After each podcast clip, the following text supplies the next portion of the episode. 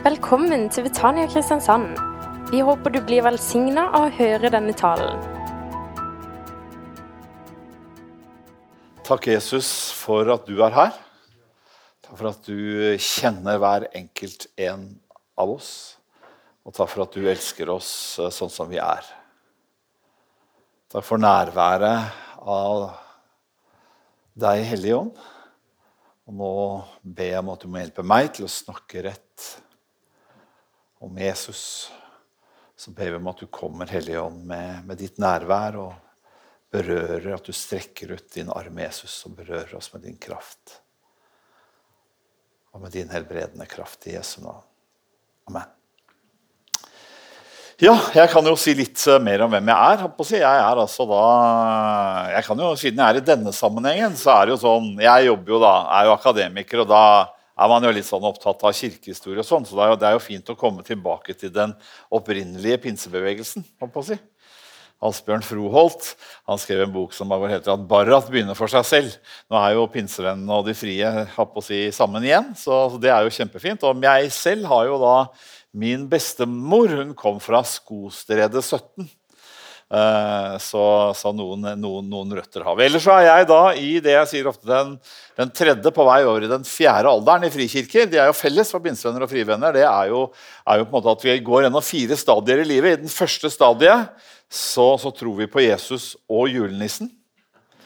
I den andre stadiet eh, så tror vi bare på, på, på Jesus. I det tredje stadiet så tror vi på Jesus, men er julenissen en gang i året? Eh, og så er det, I den fasen der så er det sånn at du får barn, og de blir eldre. Og, og akkurat nå så er det sånn jeg der at datteren min har fått seg kjæreste. og sånn, og Det er jo det er stadig nye faser da, hvor du nærmer deg det stadiet hvor du kommer til å bli julenissen en gang. i år. For Jeg har ikke kommet hit, for jeg har yngre barn. Men og en klok mann har jo sagt, det er jo en viss sånn blanding, en klok mann har jo sagt at det å se datteren sin liksom forsvinne ut med sin første kavaler, det er som å se en sånn 100 millioners Stradivarius-fiolin i hendene på en gorilla. Så... Um, så Det er ulike faser, men hvis det går bra, så kommer du på en måte inn i den siste fasen. Og da er du tror du på Jesus, du er julenissen en gang i året, men i mindre og mindre grad trenger du å kle deg ut fordi skjegget bare er sånn det er. Så sånn er det. Eh, men det er fint å være her. Eh, jeg skal dele med dere fra der er han, om nåden som helbreder. Og det er mange slides, så vi kan bare gå videre på neste. Eh, vi starter med nådeoppdraget i Matteus eh, evangelium kapittel 10. og er jo, det er sånn at Når alderen passerer skonummeret, da, da, trenger du ofte lesebriller. Eh, så jeg, jeg må gå jeg tror jeg får stå litt her. Jeg lovt å ikke gå for langt tilbake. Men, men, Jesus sa han sendte det ut, sa himmelriket har kommet nær. Helbred de syke, vekke opp døde. Og så sier han, for ingenting har dere fått det og for ingenting skal dere gi det videre. Og Det er på en måte hjertet i det jeg vil dele i kveld. Det handler også om Guds nåde, som gir for ingenting. Og så får vi lov til å gi videre av ingenting. Og Da beveger vi oss til neste slide. Hva er frelse? Jo, i dette tilfellet så er frelse Vi skal se litt mer på det. Det er at himmelriket har kommet nær. Og Vi skal se på ett sånn bibelsk ord for frelse denne ja, Vi får vel si at det er ettermiddag, eller er det kveld? Det er vel litt begge deler. Eh, og det er eh, den, det vi ber om i Vår Far, eller Fader vår, som vi sa. Det er jo sånn at eh, Jeg er så gammel nå at jeg kan liksom huske tilbake til 1930-oversettelsen, hvor det het eh, Fader vår, helliget vorde ditt navn. Er det noen husker det? Ikke sant? Og så kommer da 1978-oversettelsen, som er liksom den som har vært min oversettelse. La ditt rike komme, la din vilje skje på jorden som i himmelen. Og så trenger man ikke bli så veldig, veldig gammel for å bli konservativ. for når det kom ny oversettelse i 2011 så sto det 'La riket ditt komme, la viljen din skje på jorden som i himmelen'. Og jeg hadde da bedt ikke sant, med barn fra Carl Magnus, for han var veldig liten. Eh, ikke sant? Så Han er da åtte år når vi da prøver å be Fader vår på den nye måten. Og Da sier åtteåringen da må jeg bare beklage språkbruken. Han hadde fått det fra, fra barnehagen, ikke fra faren sin. Men når vi hadde bedt det, så sa han pappa nye fader vår, det suger. Så nei, vi skulle be Fader vår på gamlemåten. Det, det, var, eh, det, eh, det var saken. Men, men det, det, er litt det det handler om i kveld. Eh, det handler om å forstå de gode nyhetene om at Guds rike har kommet nær. Og, og, og det er ganske enkelt. Vi kan ta eh, eh, si han, Hva er Guds rike? Jo, Guds rike er det vi ber om i Fader vår. og det er, når, det er når Guds vilje skjer på jorden som i himmelen. Guds rike er når Guds vilje skjer på jorden hos oss som i himmelen. Og så skal vi i kveld dele at Guds rike det er gode nyheter, både fordi det ennå er noe framtidig som kommer når Jesus kommer igjen, og samtidig så kan vi få oppleve en forsmak av himmelen, en forsmak av den kommende verden, der hvor Jesus forkynnes, der hvor to eller tre er samlet i, i, hans navn, der er han til stede, og der har Guds rike begynt å bryte fram midt i denne verden. Da starter vi med neste slide, og da, da handler det om Guds rike som noe framtidig. Eh, og I Fader vår er det altså to steder at vi opplever å faktisk komme borti Guds, Guds, eh, Guds, rike. For Først så er det 'la viljen din skje på jorden som i himmelen'. Det ber vi om. Og så avslutter i hvert fall Matteus Ehm, eh, evangeliets versjon av Fader vår avslutter jo med dette. For ditt er riket og æren og makten i all evighet. Og det er gode nyheter. Hvorfor er det gode nyheter? Jo, nettopp i dager som i dag, og som vi ser på neste slide her, så spør vi jo oss det store spørsmålet er hvem er det som har, kommer til å ha makten? i Ukraina når vi går et par år fram. Hvem er det som vil ha makten og æren? Og Vi kan ta neste slide med en gang. Og så spør vi jo akkurat disse dager når vi her på venstre side har jødiske mødre som gråter over ting som vi nesten ikke som er så grusomme at vi nesten ikke kan si det. Når, når små barn blir, blir altså halshogget av terrorister. Så har vi en kamp på den andre siden. Og så skal vi også huske at på den andre siden så fins det faktisk også noen ikke bare Hamas-krigere, men det fins til og med noen kristne palestinere som akkurat nå lever i, i, i under forferdelige tilstander. Så ropet går fra hele jorden på mange måter. Hvem er det som kommer til å vinne? Hvem er det som kommer til å ha Hvem er det som makten egentlig tilhører? I alle kriger så handler jo krigene veldig ofte om hvem som er den legitime nasjonen eller personen som skal ha makten. Sånn er det også på det ideologiske eh, området. Eh, det er forskjellige tankebygninger og filosofier som i perioder har veldig mye makt og innflytelse. Hvem er det som har makten? Vi tar neste bilde. Erfaringen som mennesker gjør seg akkurat nå i Ukraina og i Israel og i Gaza, er sterkt uttrykt av popikonet Jim Morrison, som på ingen måte var noe kristen, men som også leste filosofi og den tyske filosofen Martin Heidegger som snakket om å være kastet inn i livet og likevel stå foran døden. Så han synger 'Riders of the Storm'. Riders of the storm, altså vi er, vi er i stormen. Og så kan han inn i dette huset er vi født. Inn i denne verden er vi kastet så vil vi som lever i Norge, ikke leve i disse ekstreme tilstandene, men det vil også være perioder i våre liv når relasjoner går i stykker, når eh, vi opplever at barna våre mobbes, når vi opplever andre ting som på en måte er utenfor det vi kan kontrollere, at vi på en måte er kastet inn i livet, og vi kjenner dette. Gud La ditt rike komme. La din vilje skje på jorda som i himmelen. Hvem er det som skal ha makten? Det er altså dette spørsmålet som herskerne har stilt gjennom alle tider. og Vi tar neste slide.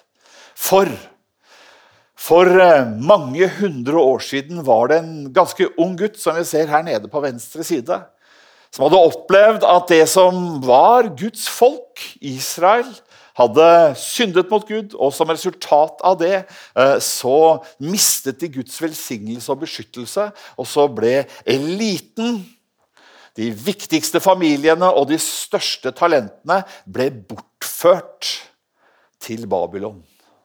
Det er som om Ukraina skulle falle, og Putin tok og hentet de viktigste hodene til Moskva og lot dem leve i eksil der. Det var den situasjonen, det var den stormen som eh, jødefolket var kastet inn i på Daniels tid. Og Den lille gutten på høyre side av bildet her er Daniel. Og Så skjer dette da at denne supermakten, som da var vesentlig større enn Russland For eh, Babylonerriket var det som dominerte hele den datidens kjente verden.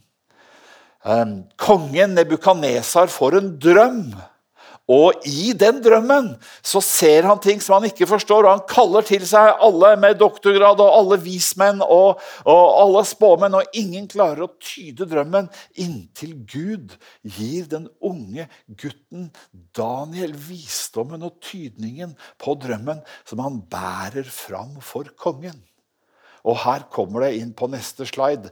Ehm, eh, og Her er det litt sånne mange forskjellige ting som vi ikke skal gå inn i detaljene på. Men, men, men poenget er at du er hodet av gull, men etter deg skal det oppstå et annet rike som er svakere enn ditt. Og så et tredje rike av bronse, og så skal det herske over hele jorden. Og det fjerde riket skal være sterkt som jern, slik jernet knuser og ødelegger alt. Og det er vel litt det kanskje også folk kjenner på Ukraina i dag. Men, men noe av poenget her, det er som Ronald Fangen synger i sangen, det er at verdens riker, de stiger og de synker.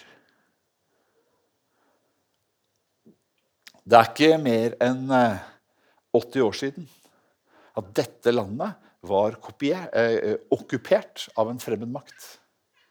Adolf Hitler proklamerte frimodig at det såkalte Tredje riket skulle vare i 1000 år. Det varte bare i tolv år. Verdens riker, de stiger, men de synker. Og Det var det Nebukadnesar på en måte fikk høre fra Gud. Du kan være stor nå, men også riket ditt vil falle. Da vil vi jo spørre finnes det noe som kommer til å vare for bestandig. Og Daniel selv fikk et syn, og vi kan se på neste slide, og da har vi egentlig beveget oss over i Daniel 7. Da sier han videre så jeg i mine nattesyr, se med himmelens skyer kom det en som var lik en menneskesønn. Han nærmet seg den gamle av dager, og i denne drømmen så er det tydelig at den gamle av dager, det er Gud. Og så står det, og han ble ført fram for ham. Han fikk herredømme, ære og rike. Han fikk herskermark. Ære og rike kommer neste slide. Så alle folk og nasjoner og tungemål skal tjene han. Hans herskermakt er en evig makt som ikke skal få gå. Hans rike skal ikke gå til grunne. Og det er det den jødiske nasjonen fortsatt lever. En dag skal det være slutt på alle kriger. For en dag skal det komme en konge og det riket skal ikke stige og synke, men det riket skal være et evig rike. Halleluja. Hvordan ser så det riket ut? Jo, profeten Jesaja han profeterer og sier at i de siste dager skal det skje.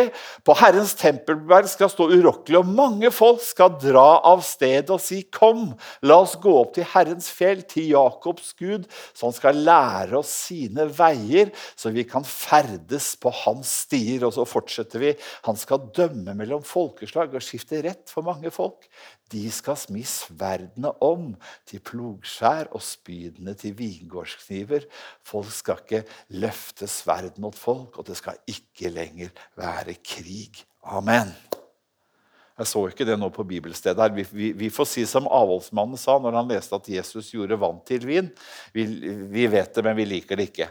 Um, men her er også ikke poenget at det skal være vingårdsskjær. Men det kommer en dag når Jesus skal opprette et evig fredsrike på jord. Halleluja. Det er det vi ber om når vi ber La ditt rike komme. La viljen din skje på jorden som i himmelen. Så kan vi også rope med den, særlig den forfulgte kirke Kom, Herre Jesus Kristus. Så det er gode nyheter.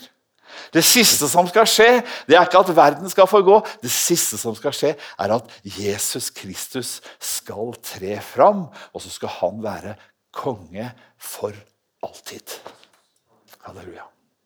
Da tar vi neste slide. Hvordan kunne dette skje? Jo da, for når han kom, så kjente ikke jødene igjen dette. Men han kom, og profeten Jesaja fortsetter og sier at han hadde ingen herlig skikkelse. Han, han sto ikke fram med Guds stråleglans, men han kom som en fattig forkynner og helbreder. Og så blir han urettferdig dømt. Men eh, Jesaja hadde allerede sett, for han sier straffen lå på han for at vi skulle ha fred men ved hans sår har vi fått legedom. Vi for alle vill som sauer. Vi vendte oss hver sin vei, men skylden som vi alle hadde, lot Herren ramme han. Når Gud kom, så kom han oss ikke med makt og tvang. Kom på en måte ikke med en invasjon, men en invitasjon til mennesker til å ta imot Guds kjærlighet. Og så viser han det ultimate uttrykket for den kjærligheten når han dør for våre syndere på et kors. Og så sier Bibelen at straffen ble lagt på ham for at vi skulle få fred. Og ved hans sår har vi fått legedom. Vi tar neste slide. Herren er vår fred. Og ordet fred her, for at vi skulle få fred, er det hebraiske ordet shalom, som betyr å være hel. Det er, fravær av frykt og fravær av konflikt som vi drømmer om, og som mange steder i verden i dag folk roper til Gud om. Men det betyr ikke bare fred i betydningen ingen krig eller kamper. Det betyr også sinnsro og ro. Det inkluderer fysisk helse, sikkerhet og velstand. Det betegner en tilstand der alt er i sitt riktige tilstand, sitt rette folk. Derfor var det Jesus kom. Vi tar neste slide. Det er også sånn, det var egentlig sånn eh, Torsten startet møtet. det er egentlig sånn vi skal, de første kristne hilste hverandre med, med fred. Det betyr 'jeg ønsker fred i ditt liv'. Jeg ønsker helhet i ditt liv. Var det presten i Det gamle testamentet kunne gjøre ved bestemte anledninger, eh, så kunne han eh, løfte hendene sine mot folket og, tale det som vi kaller den aronittiske velsignelsen. Herren velsigne deg og bevare deg. Herren la sitt ansikt lyse over deg og være deg nådig. Herren løfte sitt åsyn på deg og gi deg shalom. Sånn at når vi som kirke er en del av Kristiansand, så er det det vi skal møte, møte Kristiansand med. Vi kommer med fred, ikke bare vår egen fred. Vi kommer med den freden som Jesus har vunnet for hvert menneske når han ga sitt liv på Golgata. Derfor sier han at når dere kommer inn i byen, så skal dere si fred. Så skal dere spise det som de setter fram for dere. Bygge relasjoner med mennesker. Når dere har spist, så skal dere hjelpe dem. Helbred de syke som er der, og si Guds rike har kommet nær. Det er allerede til stede der hvor Jesus forkynnes. Derfor er Jesus her nå. Og dette nærværet av Guds fred, dette nærværet av Guds helbredelse, det er der hvor to eller tre er samlet i hans navn. Vi kan ta neste. Hvem er så dette riket for? Jo, det kom mange toller og syndere og var sammen med Jesus og disiplene hans til bords. Da fariseerne så dette, så sa de, 'Hvorfor spiser mesteren deres sammen med toller og syndere?' Men Jesus hørte det og sa, 'Det er ikke de friske som trenger lege, men de syke'. Og Jesus sier et annet sted at 'salig er de fattige i ånden', for Guds rike er deres. Hva betyr det? Jo, det betyr det at ingen av oss fortjener Guds fred. Ingen av oss fortjener å leve i Guds nærvær. Men han kommer til deg likevel. Han kommer til deg likevel. og Kanskje et av de sterkeste historiene som vi skal se på neste slide her, er fortellingen om Sakkeus. Hvem var Sakkeus? Han var definitivt ikke den som folk trodde at Jesus skulle ta inn når han kommer inn i byen. For han var jo, En ting var at han var toller, vi tenker, han var ligningsvesen, og er ikke, de er ofte ikke populære. Parkeringsvakter er ikke veldig populære. Selv ikke jeg som er pastor, syns det er veldig stort å få en bot. Det var som Min bestefar han var med å grunnlegge pinsemenigheten i Valset. og Han ble kjeppjagd med stokker ut av bygda en gang. og Da ropte de etter han, vi skal jage pinsevennene og ligningsvesenet ut av bygda. sa de. Skjønte ikke helt hva pinsevennene og ligningsvesenet hadde med hverandre å gjøre. Men det som var, og som på en måte gjør dette mye, mye radikalt, det var at dette var ikke en parkeringsvakt. Man må huske at dette, Denne nasjonen var okkupert. Dette var som om det fantes en ukrainsk skatteoppkrever som samlet inn skatt til Putin. Det er Sakkeus.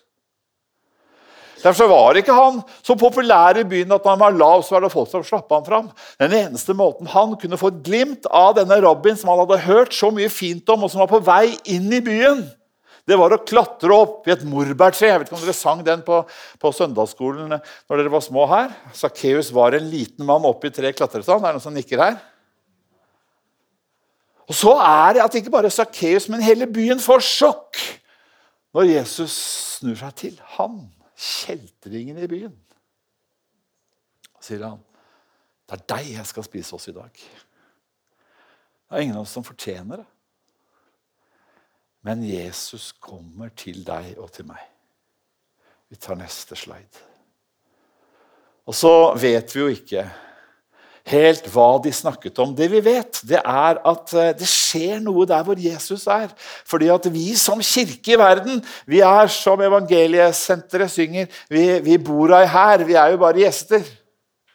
Og Jesus var definitivt en gjest i verden, men det som skjer er når han blir gjest hos Sakkeus, så byttes rollene om. Gjesten blir vert og innbyr Sakkeus til fest i Guds nærvær, for han har kommet ikke for å kalle rettferdige som fortjener det, men syndere som trenger nåde. Og det møtet med Jesu ubetingete ufortjente nåde og gave er så sterkt at det der og da forvandler Sakkeus sitt liv.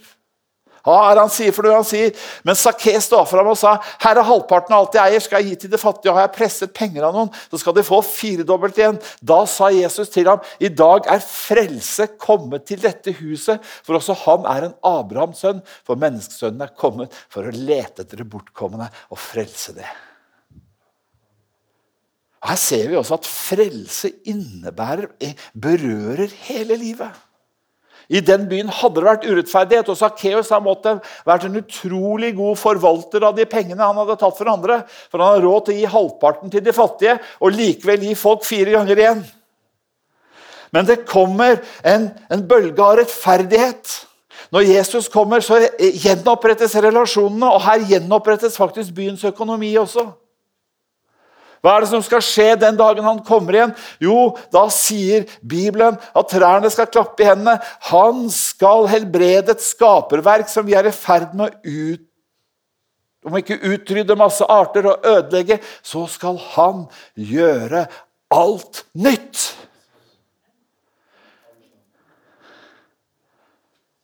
Han skal bringe shalom til hele skaperverket når hans nærvær skal hvile over jorden som vannet dekker havets bunn. Halleluja. Vi tar neste slide. Det greske ordet for frelse, soso, betyr derfor frelse.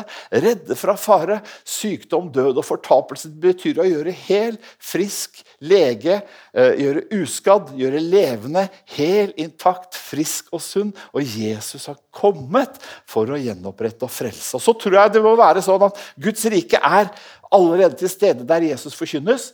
Men det er likevel ennå ikke. Det kommer ikke fullt ut før Jesus kommer tilbake. Hva, hva, betyr det? Jo, det betyr at alle de syke som Jesus helbredet, alle de døde han vekket opp igjen fra de døde, de døde igjen. Er dere med? Så vi må fremdeles rope med de som akkurat nå er her i smerte i Israel og Gaza og Ukraina. Herre Jesus, kom! Men samtidig så kan vi se oss rundt på eget liv, på våre venner og på våre slektninger. Så kan vi se der hvor ting har gått i stykker. Så kan vi si til Jesus Kristus, Herre, forbarme deg over oss. Herre, du ser datteren min. Herre, du ser sønnen min. Herre, du ser vennene mine. Herre, du ser ekteskapet mitt. Herre, du ser livet mitt. Herre, kom. Berør. Leg. Gjenopprett. La din vilje skje på jorden som den skjer i himmelen.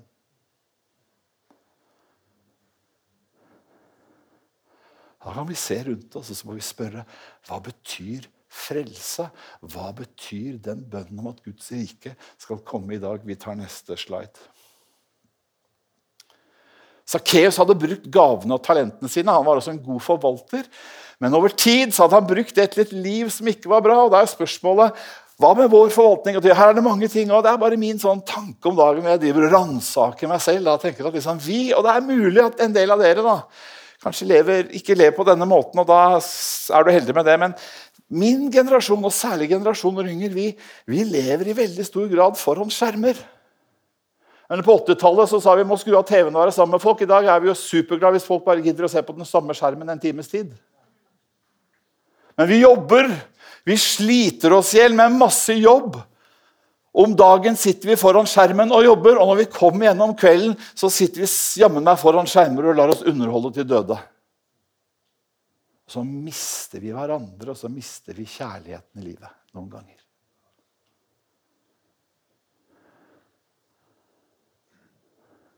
Hvor, og det kan være andre ting som du ser i eget liv eller andres liv som ødelegger dem. Og så ser du her trengs det frelse. Her trengs det gjenopprettelse. Her trengs det en berøring av Gud med hans kraft. Vi tar neste slide. En siste fortelling. Dette er fra den kvelden som Jesus sitter ved bordet. og Mitt sånn hovedfag holdt jeg på å si, det jeg underviser i, og en dag kanskje blir professor i, er, er verdibasert ledelse. som det heter. Og Den kvelden så underviser Jesus om, om, at den som vil være leder, skal være alles tjener. Men er det noe disiplene stryker i, så er det den kvelden der. Og samtidig som Jesus gir, innstifter nattverden eller takksigelsen, eller hva vi kaller det han gir seg selv i nattverden. Samme kveld så begynner disiplene å krangle om hvem som skal være størst. Og I sitt overmot så sier Peter at ja, jeg skal gi alt for deg, Jesus. Om, om jeg så skal gå i døden med deg, så skal jeg gjøre det. Og ser Jesus på den umodne Peter som hadde bestemt seg for at han skulle bruke Jesu tjeneste til selv å bli stor, og så trodde at han allerede var så stor og modig at han kunne gå i døden og si Jesus, før hanen galer i natt, Peter, så kommer du til å fornekte meg tre ganger. Det ser vi på neste bilde. Vi kan hoppe over det. Bare gå til neste. Før hanen galte tre ganger, så står Peter og gråter bittert. Alt han hadde drømt om. Hvem han trodde han var, hvem han trodde han kom til å bli. Han hadde godtestykker der i bakgården. Han hadde sviktet. Ikke hvem som helst, men sin nærmeste venn. Ja, han som han trodde var Guds sønn. Og Peter var ikke den eneste som sviktet. Det står de forlot ham alle sammen. Tror jeg skal gjøre hoppe fortellingen litt her, så vi kan sikkert hoppe over en slide etterpå også. Men det som er den gode nyheten, er dette her. Disse lederne de sviktet alle sammen. De sitter bak stengte dører. Og Det er kvinnene som går til graven. Og når kvinnene kommer og sier 'Han er ikke der, han har stått opp igjen', så står det i en oversettelse at de mente det var kvinnfolkpreik.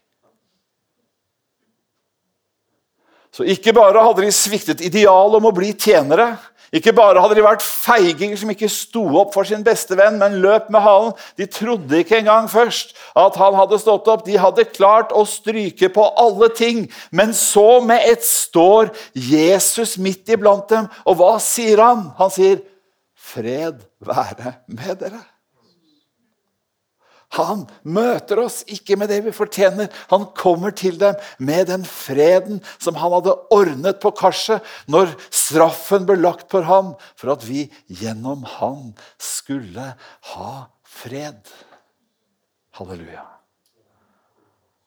Og Det er sånn han møter oss her i kveld.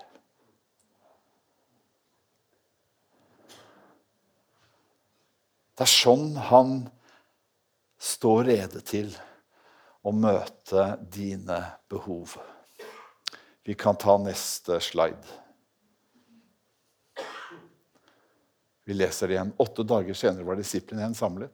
Og Thomas, som hadde tvilt, var sammen med dem. Da kom Jesus mens dørene var lukket. Han sto midt iblant dem og sa, 'Fred være med dere'.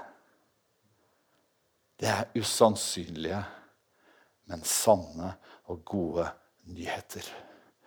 Det fins ingenting du er. Det fins ingenting du har gjort som ikke Guds nåde er stor nok til å dekke over og til å gjelde. Halleluja.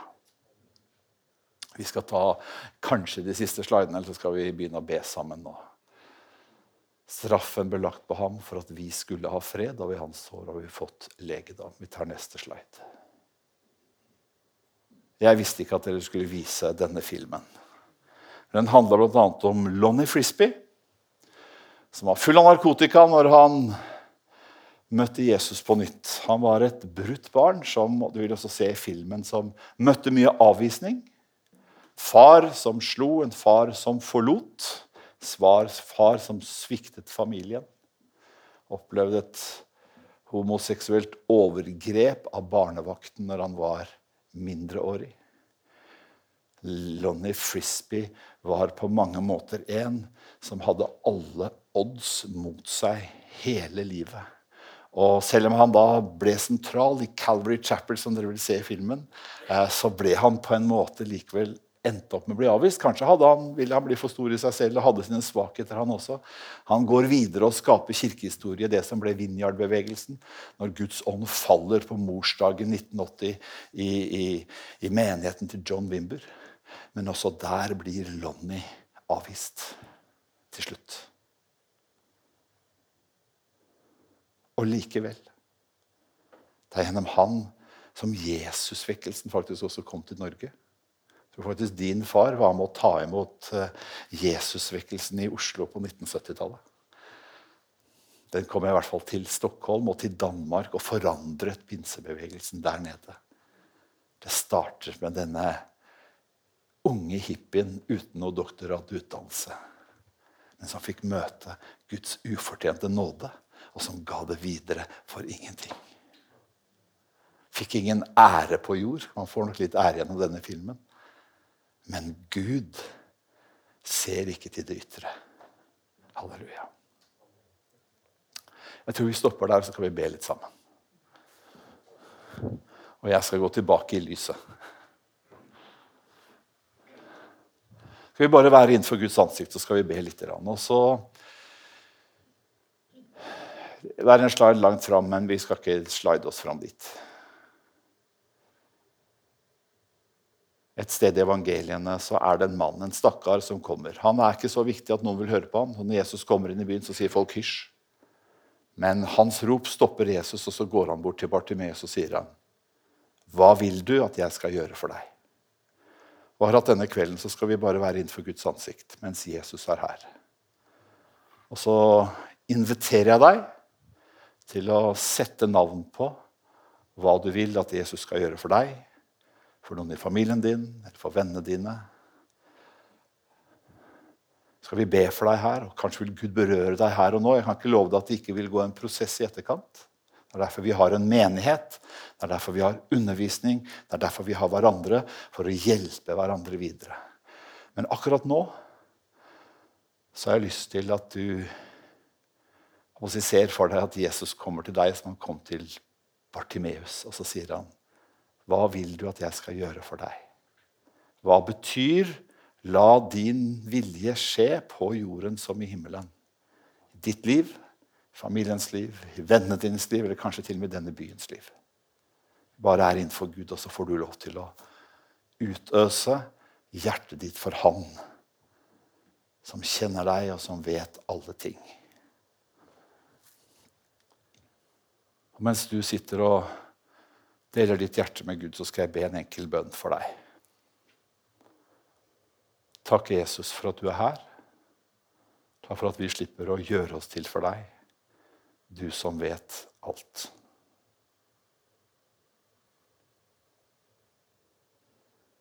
Takk, Herre, for at du rekker ut din hånd mot oss nå, Herre.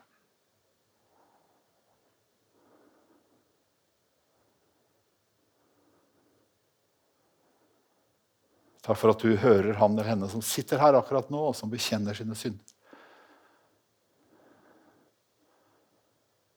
Og så sier du sønn, så sier du datter. Dine synder er deg forlatt.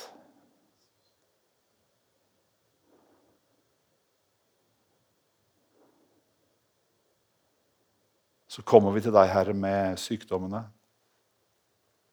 kan være noen her som har, fått, har en skade fordi du har falt og slått. Ødelagt arm eller armledd. Men det kan også være andre ting. Herre, vi løfter det framfor deg. Takk for at du ble såret for vår skyld, for at vi skulle få fred, og i deg har vi fått legedom. Så Jesus, berør kroppene våre nå i Jesu navn, og bring legedom og shalom.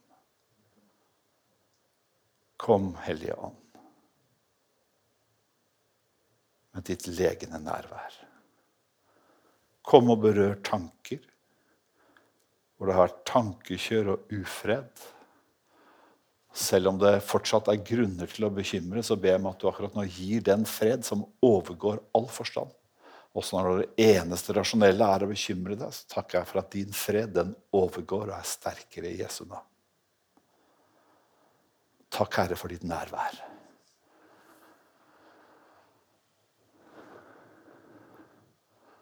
Akkurat nå tror jeg også Gud berører noen så enkelt med en type glede. Han gir deg den første frelsesfryden tilbake. Takk skal du ha, Herre.